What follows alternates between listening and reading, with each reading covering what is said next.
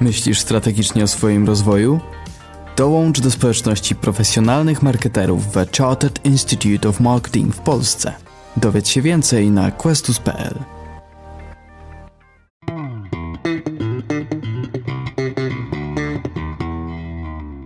Dzień dobry, witam w kolejnym odcinku Questus Marketing Podcast. Dziś będziemy rozmawiać o najświeższych i najgorętszych trendach w e-commerce.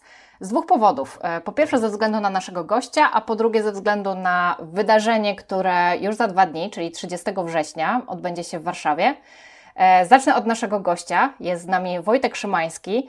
E, I, I w zasadzie mogę powiedzieć, że mam cały czas pewne wyrzuty sumienia, że gość, gościem naszym do tej pory Wojtek jeszcze nie był. Wojtek jest dyrektorem zarządzającym agencji e-marketingowej i e-commerce Ideoforce ale jest także jednym z głównych e, i wieloletnim trenerem naszych programów CIMowych. E, no i uczy u nas przede wszystkim właśnie w temacie digital marketingu, content marketingu i e-commerce.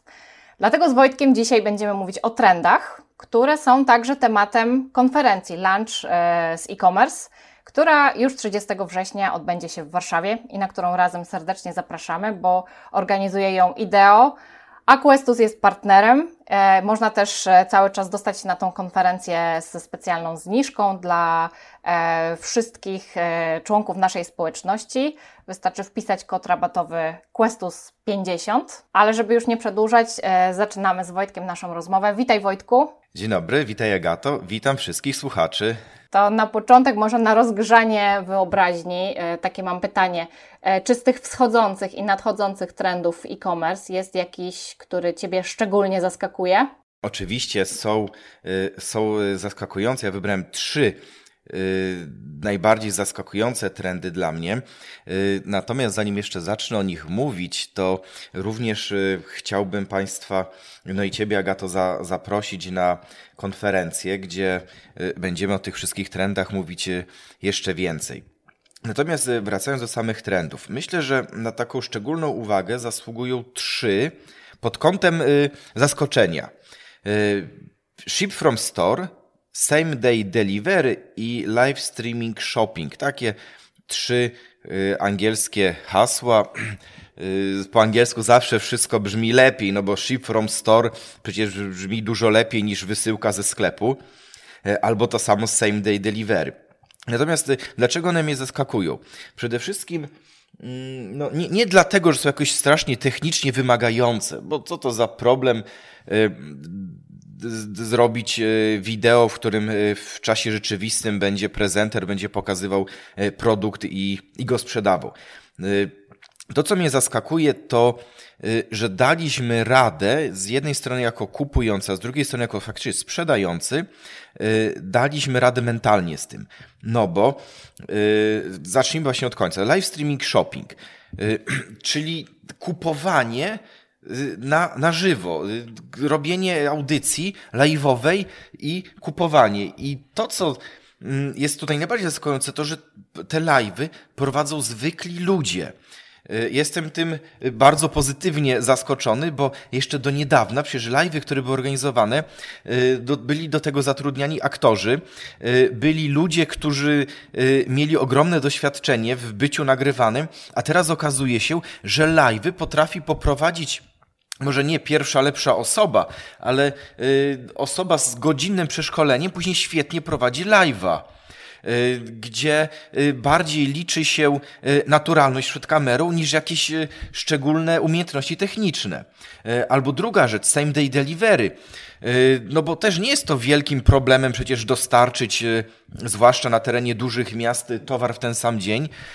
I sam znam przy takie przypadki, gdzie e-commerce głównie z Warszawy, e, gdzie właściciele e, odpalali silniki swoich Audi o godzinie 18 rozwozili, rozwozili towar. E, natomiast liczy się teraz jak najbardziej to, że firmy spedycyjne, logistyczne, że sobie poradziły z tym.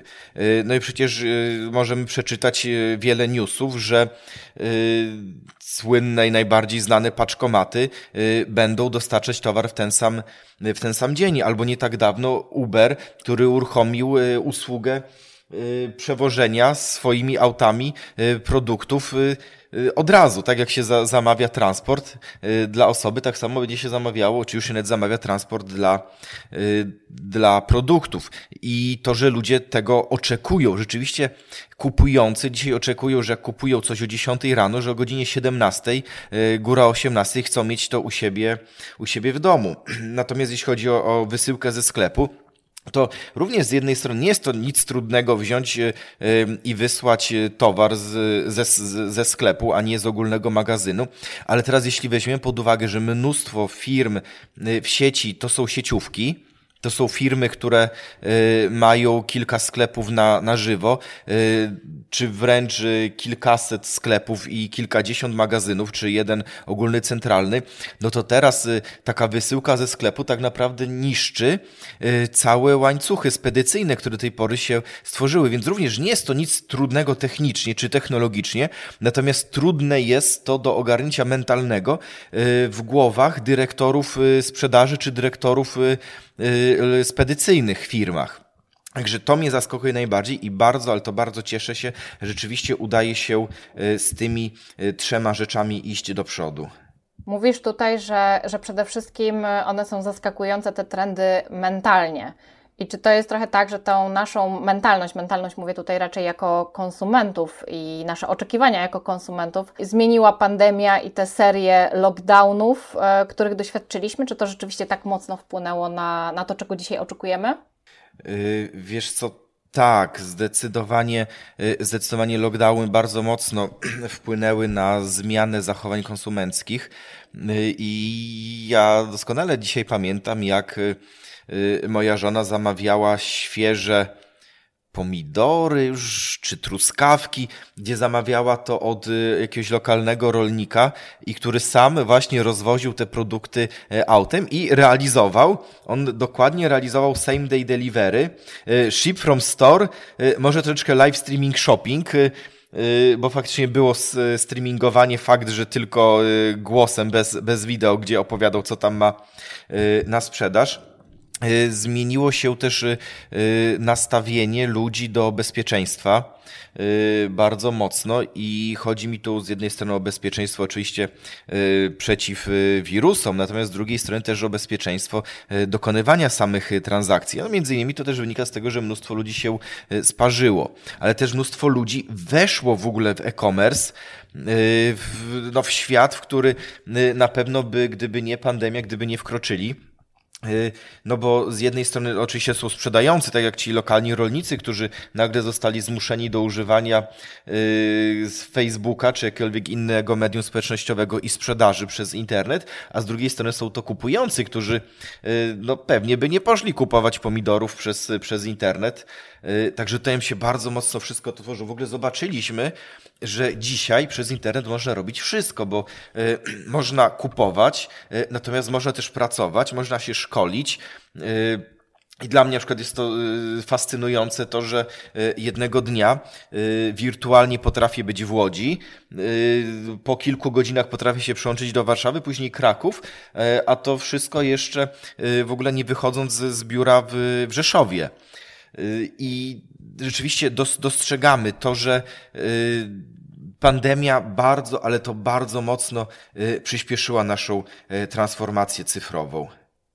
Przyspieszyć to przyspieszyła. Pytanie tylko, czy e, zmieniła też nasze zachowania jakościowo i które z tych zmian, zachowań mają taki charakter, Twoim zdaniem, już nieodwracalny? Z zmian nie, nieodwracalnych powiedziałbym, że również również mógłbym wskazać trzy czy cztery takie, takie zjawiska. Y, przede wszystkim pierwszym z nich y, to jest kustomizacja produktów. Y, I żebyśmy mieli jasność, to nie jest tak, że gdyby nie pandemia, to nagle byśmy, to, na, to nagle kustomizacja by, by się nigdy nie wydarzyła. Tylko jeszcze zanim przejdziemy dalej, to dwa słowa. Nie chodzi mi o personalizację, czy nie chodzi mi o to, że Y, jest na kubku, który kupujemy, y, nasze, naklejone nasze zdjęcie albo na y, prezencie dla żony, który kupujemy na pierścionku, że jest wytatuowane jej imię czy, czy serduszko. Bardziej chodzi mi o znaczy w kustomizacji chodzi o to, że to sam produkt jest przygotowywany pod nas, czyli na przykład suplementy diety, które są tworzone dla nas, konkretnie dla nas, albo wino, które y, pasuje w 100% y, pod nasze gusta, czyli nie jest y, ani za bardzo słodkie, ani za bardzo gorzkie. Albo że butelka brandy, którą zamawiamy, owszem, jest oczywiście w, w rozmiarze, w pojemności dostosowanej do, do tego, co byśmy chcieli, ale również Y, gdzieś tam w środku są zaszyte pewne, y, pewne cechy tego danego produktu, które są tylko i wyłącznie pod nas y, stworzone. To, co też pandemia dalej przyspieszyła, bo to nie jest tak, że ona sprawiła, że odroczone płatności się pojawiły, natomiast pandemia to mocno, mocno przyspieszyła poprzez właśnie tą przyspieszoną transformację cyfrową, którą, która się dokonała na świecie. E, no i jeszcze taki model, który e, również e, to ciężko nie zauważyć, choć on się dopiero rozwija. To jest taki model sprzedaży, który się nazywa direct to consumer i chodzi tutaj o to, że producenci sami zaczęli sprzedawać swoje towary bezpośrednio do finalnych końcowych odbiorców, czyli z pominięciem hurtowni, ale też z pominięciem innych sklepów internetowych. Czyli producenci stworzyli swoje platformy sprzedażowe i na swoich własnych platformach zaczęli sprzedawać i zaczęli sami e, towar przesyłać do swoich klientów. I tak jak mówię, to e, po części mogliśmy obserwować jeszcze wcześniej, przed, przed pandemią. Natomiast no, dzisiaj rzeczywiście widzimy, że jest to trend coraz bardziej znaczący i na pewno też będzie miał swoje konsekwencje w przyszłości. No okej, okay, to skoro już mówimy o konsekwencjach w przyszłości, to pewnie pytanie, na które wszyscy czekają, to pod jakim znakiem, pod znakiem jakich trendów będzie rozwijać się branża w nadchodzącym 2022 już roku? E, no to oczywiście tak jak, tak jak powiedziałem, kustomizacja produktów, odroczone płatności, direct to consumer, natomiast do tego jeszcze dodałbym yy, to, że coraz większą moc będą również miały marketplace'y. I tu uwaga, nie chodzi mi o marketplace'y takie jak y, Allegro, który część osób nazywa marketplace'em, część mówi, że to jest po prostu serwis aukcyjny, mm, ani też nie chodzi mi o Empik, który oczywiście myślę, że będzie y, też rósł w siłę. Mm, chodzi mi o ogólną kategorię marketplace'ów, o to, że marketplace również usługowe będą się rozwijać, czyli y, wszelkiego rodzaju umawianie się na, y, na umawianie się do lekarza, wszelkiego rodzaju konsultacje medyczne, ale też zamawianie posiłków. Oczywiście znamy Y, już y, takie rozwiązania jak Uber Eats, natomiast y, w moim odczuciu tego typu rozwiązań lokalnych czy międzynarodowych będzie, będzie zdecydowanie jeszcze więcej. Także marketplace będą się na pewno rozwijać. Będziemy również my jako konsumenci oczekiwać od sprzedawców, żeby stawali się ekspertami. Czyli już takie sprzedawanie produktów na zasadzie, że po prostu mamy sklep internetowy i po prostu sobie sprzedajemy, może nawet najwyższej y, jakości produkty, y, trochę trochę już przestaje działać. Dzisiaj kupujący oczekują, żeby sprzedawca był rzeczywiście ekspertem, żeby potrafił doradzić, który z produktów jest najlepszy. Być może potrafił go jeszcze skustomizować. Być może, żeby też powiedział, jak go, jak go używać i być może, aby rozwiązał pewien problem z jakąś tam na przykład niedziałającą funkcjonalnością, którą da się naprawić zdalnie, czyli już nawet bez udziału, bez udziału producenta. Y, na pewno będziemy jeszcze obserwować rosnący trend ekologii w pakowaniu i w transporcie. Coraz więcej się o tym mm, mówi i to y, z jednej strony pod kątem tego, żeby opakowania były ekologiczne, czyli żebyśmy wszelkiego rodzaju plastiki, folie y, usuwali z opakowań, ale też, aby nie, wozi, nie, nie wozić tak zwanego powietrza w tirach firm spedycyjnych, żeby opakowania były mniejsze i żeby lepiej otulały te, te produkty. I będziemy jeszcze obserwować coś, co mm, dla rynku pracy może być nie do końca dobre, a mianowicie rozwój botów, botów sprzedażowych, botów doradzających, botów, z którymi będzie można porozmawiać, botów, z którymi będzie można zamówić wizytę czy usługę u, y, usługę czy wizytę u specjalisty, y, botów, w których będzie można złożyć reklamację, ale też botów, które y, będą do nas dzwonić i na przykład przypominać, że już minęło trzy tygodnie, odkąd kupiliśmy ostatnią karmę dla, nego, dla naszego psa, pewnie się już kończy i być może właśnie z tym botem zamówimy kolejną dostawę.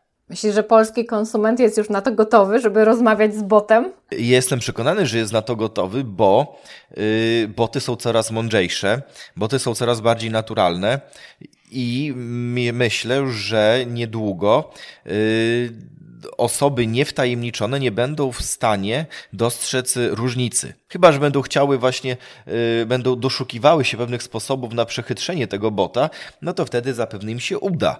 Ale przy takich, yy, przy niedoszukiwaniu się yy, pewnych, y, pewnych symptomów y, y, tych botów, to myślę, tak jak powiedziałem, że wielu ludzi nie będzie w stanie poznać, że właśnie rozmawia z botem. Dobrze, my tu rozmawiamy teraz o takiej, bym powiedziała, świetlanej przyszłości, a teraz może na, że tak powiem, drugą nogę temat zagrożeń. E, no jakie rzeczywiście, na jakie zagrożenia powinniśmy zwracać uwagę, z jakimi ryzykami się liczyć, no i z jakimi wyzwaniami mierzyć? Wiesz co, mm, to może zacznijmy od botów. Ja przed chwilką powiedziałem, że boty to jest y, szansa ogromna, że boty się będą rozwijać, ale też boty są ogromnym zagrożeniem. Są zagrożeniem dla mniej wykwalifikowanych osób z rynku pracy, y, natomiast są też zagrożeniem dla dla konsumentów, którzy mogą być y, celowo wprowadzani w błąd przez boty. Może być coraz więcej spamu botowego. Y, dodatkowo y, już teraz widzimy, że jakieś 30% ruchu, y, który mamy w sklepach internetowych, to jest właśnie ruch botowy. I z jednej strony oczywiście część tych botów są boty dobre, pomagające nam, przyspieszające indeksację witryny chociażby w Google, albo wspomagających wyszukiwanie Natomiast y, znaczna część botów to są również boty złe, które z jednej strony wyklikują nam budżety marketingowe, a z drugiej strony obciążają nam naprawdę mocno serwery. Y, a czym bardziej są obciążone serwery, tym z jednej strony rachunki są coraz większe za hosting, ale też strona z, y, działa mniej płynnie i mniej wydajnie. Także boty duża szansa, ale i ogromne zagrożenie. Y, innym zagrożeniem y, to jest konieczność dostosowania się do trendów. I tego to wszystko, o czym powiedzieliśmy, yy, o tej zmianie mentalności kupujących i sprzedających, to, no, to, to widzimy, to się dzieje. Tylko, że teraz, żeby na tym rynku e-commerce'owym pozostać i się na nim rozwijać, to my się do tych y, trendów musimy dostosować. I yy, wiele y, małych firm nie będzie w stanie tego zrobić. Ale z drugiej strony wiele małych firm właśnie wygra z dużymi sieciówkami, bo y, wiele rzeczy będą w stanie zrobić szybciej, sprawniej, lepiej i to, co takie trochę najśmieszniejsze, to że, to, że nie będą się zastanawiać, czy robią to dobrze.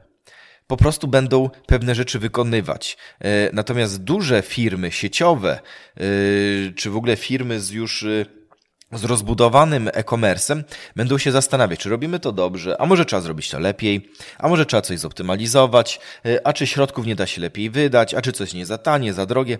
Y, I to myślenie, to analizowanie będzie im zajmowało mnóstwo czasu i energii, zamiast po prostu działać. Będzie powstawać mnóstwo y, roadmapów, mnóstwo strategii i planów, zamiast po prostu realizować różne rzeczy, a małe firmy będą je realizować i wygrają.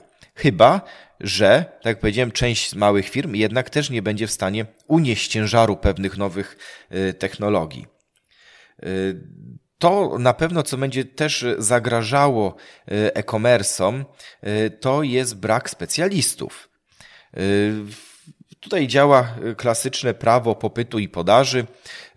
Ilość specjalistów jest ograniczona. Oczywiście przybywa, bo każdego roku setki studentów czy tysiące studentów kończy kierunki marketingowe czy no, ogólnie technologiczne związane z programowaniem, ale dużo, dużo więcej osób firmy potrzebują.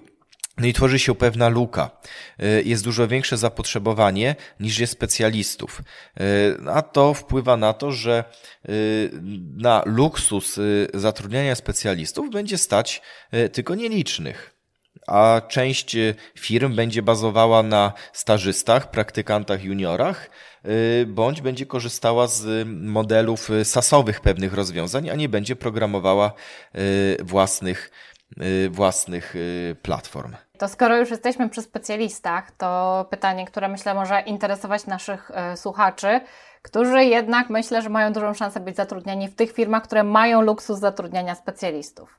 Więc jeżeli jesteśmy specjalistami, jesteśmy menedżerami marketingu, to w jakie dzisiaj kompetencje najlepiej inwestować? W czym się kształcić, w czym się rozwijać, bo wiemy, że ten kierunek będzie pożądany na rynku.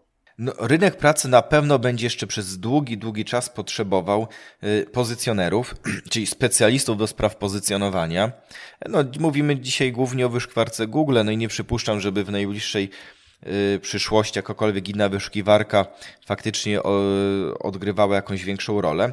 Także specjaliści do spraw pozycjonowania w Google, y, specjaliści do spraw reklamy w wyszukiwarkach, no i tu również rzeczywiście mówimy głównie o Google, czyli o systemie Google Ads, specjaliści do spraw UX-a i tutaj rzeczywiście y, ilość tych specjalistów, y, która będzie potrzebna, mm, no nie jest tak duża jak osób odpowiedzialnych za promocję w wyszukiwarkach, czy to płatną, czy organiczną. Natomiast w przypadku specjalistów do spraw UX-a rzeczywiście e, nie dość, że jest potrzebne, e, nie dość, że jest potrzebna duża wiedza, to jeszcze też ogromne doświadczenie. Więc szkolenie na specjalistę do spraw UX czy użyteczności to są naprawdę długie, długie lata pracy. I nie tylko czytanie jakichś kursów, tylko właśnie faktycznie y, lata wykonywania raportów, y, badań i przede wszystkim bycie osadzonym w świecie tej internetowej rzeczywistości. Będą na pewno potrzebni jeszcze specjaliści od marketplace'ów, czyli osoby, które będą potrafiły wprowadzić biznes klienta do chociażby do Empiku czy do Allegro i e, nie chodzi mi tu o coś tak trywialnego, jak po prostu odpalenie aukcji na Allegro, e, ale o e, podpięcie wszelkich łańcuchów procesów, które firmie zachodzą.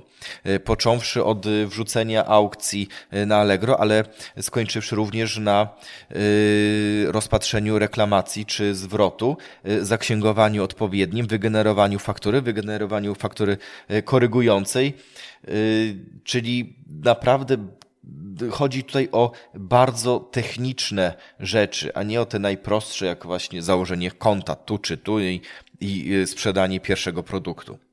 Y, natomiast będą również jeszcze potrzebne osoby, które to wszystko będą w stanie połączyć. Tacy, tacy kierownicy projektów, natomiast z racji tego, że ich kompetencje będą musiały być bardzo mocno związane z e-commerce'em, y, ja wolę ich nazywać menadżerowie do spraw e-commerce to są osoby, które będą w stanie być dyrektorami w firmach y, produkcyjnych, y, dyrektorami działów e-commerce, czyli ludźmi, którzy będą później w stanie rozmawiać, y, zlecać zadania pozycjonerom, specom od Google Adsa, UX-owcom, którzy będą w stanie również rozstrzygnąć, na które marketplace'y warto wejść, no i również oczywiście, które, które rynki Y, które państwa warto y, zaatakować z tym swoim e-commerce'em, czy zostać lokalnie w Polsce, czy może, y, czy może wręcz wyjść do, na Stany Zjednoczone, a jak wyjść tak daleko,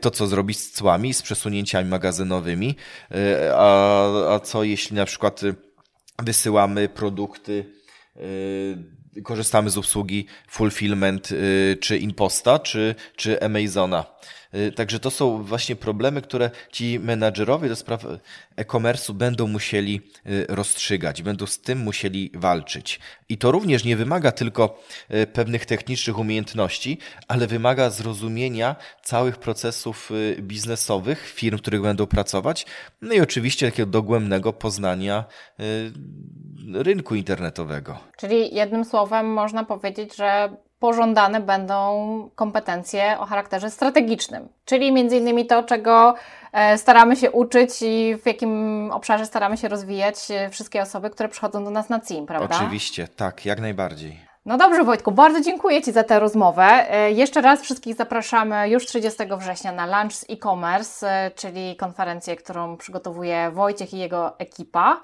A ja osobiście zapraszam też wszystkich na kolejną grupę, e, kolejną edycję programu The Chartered Institute of Marketing.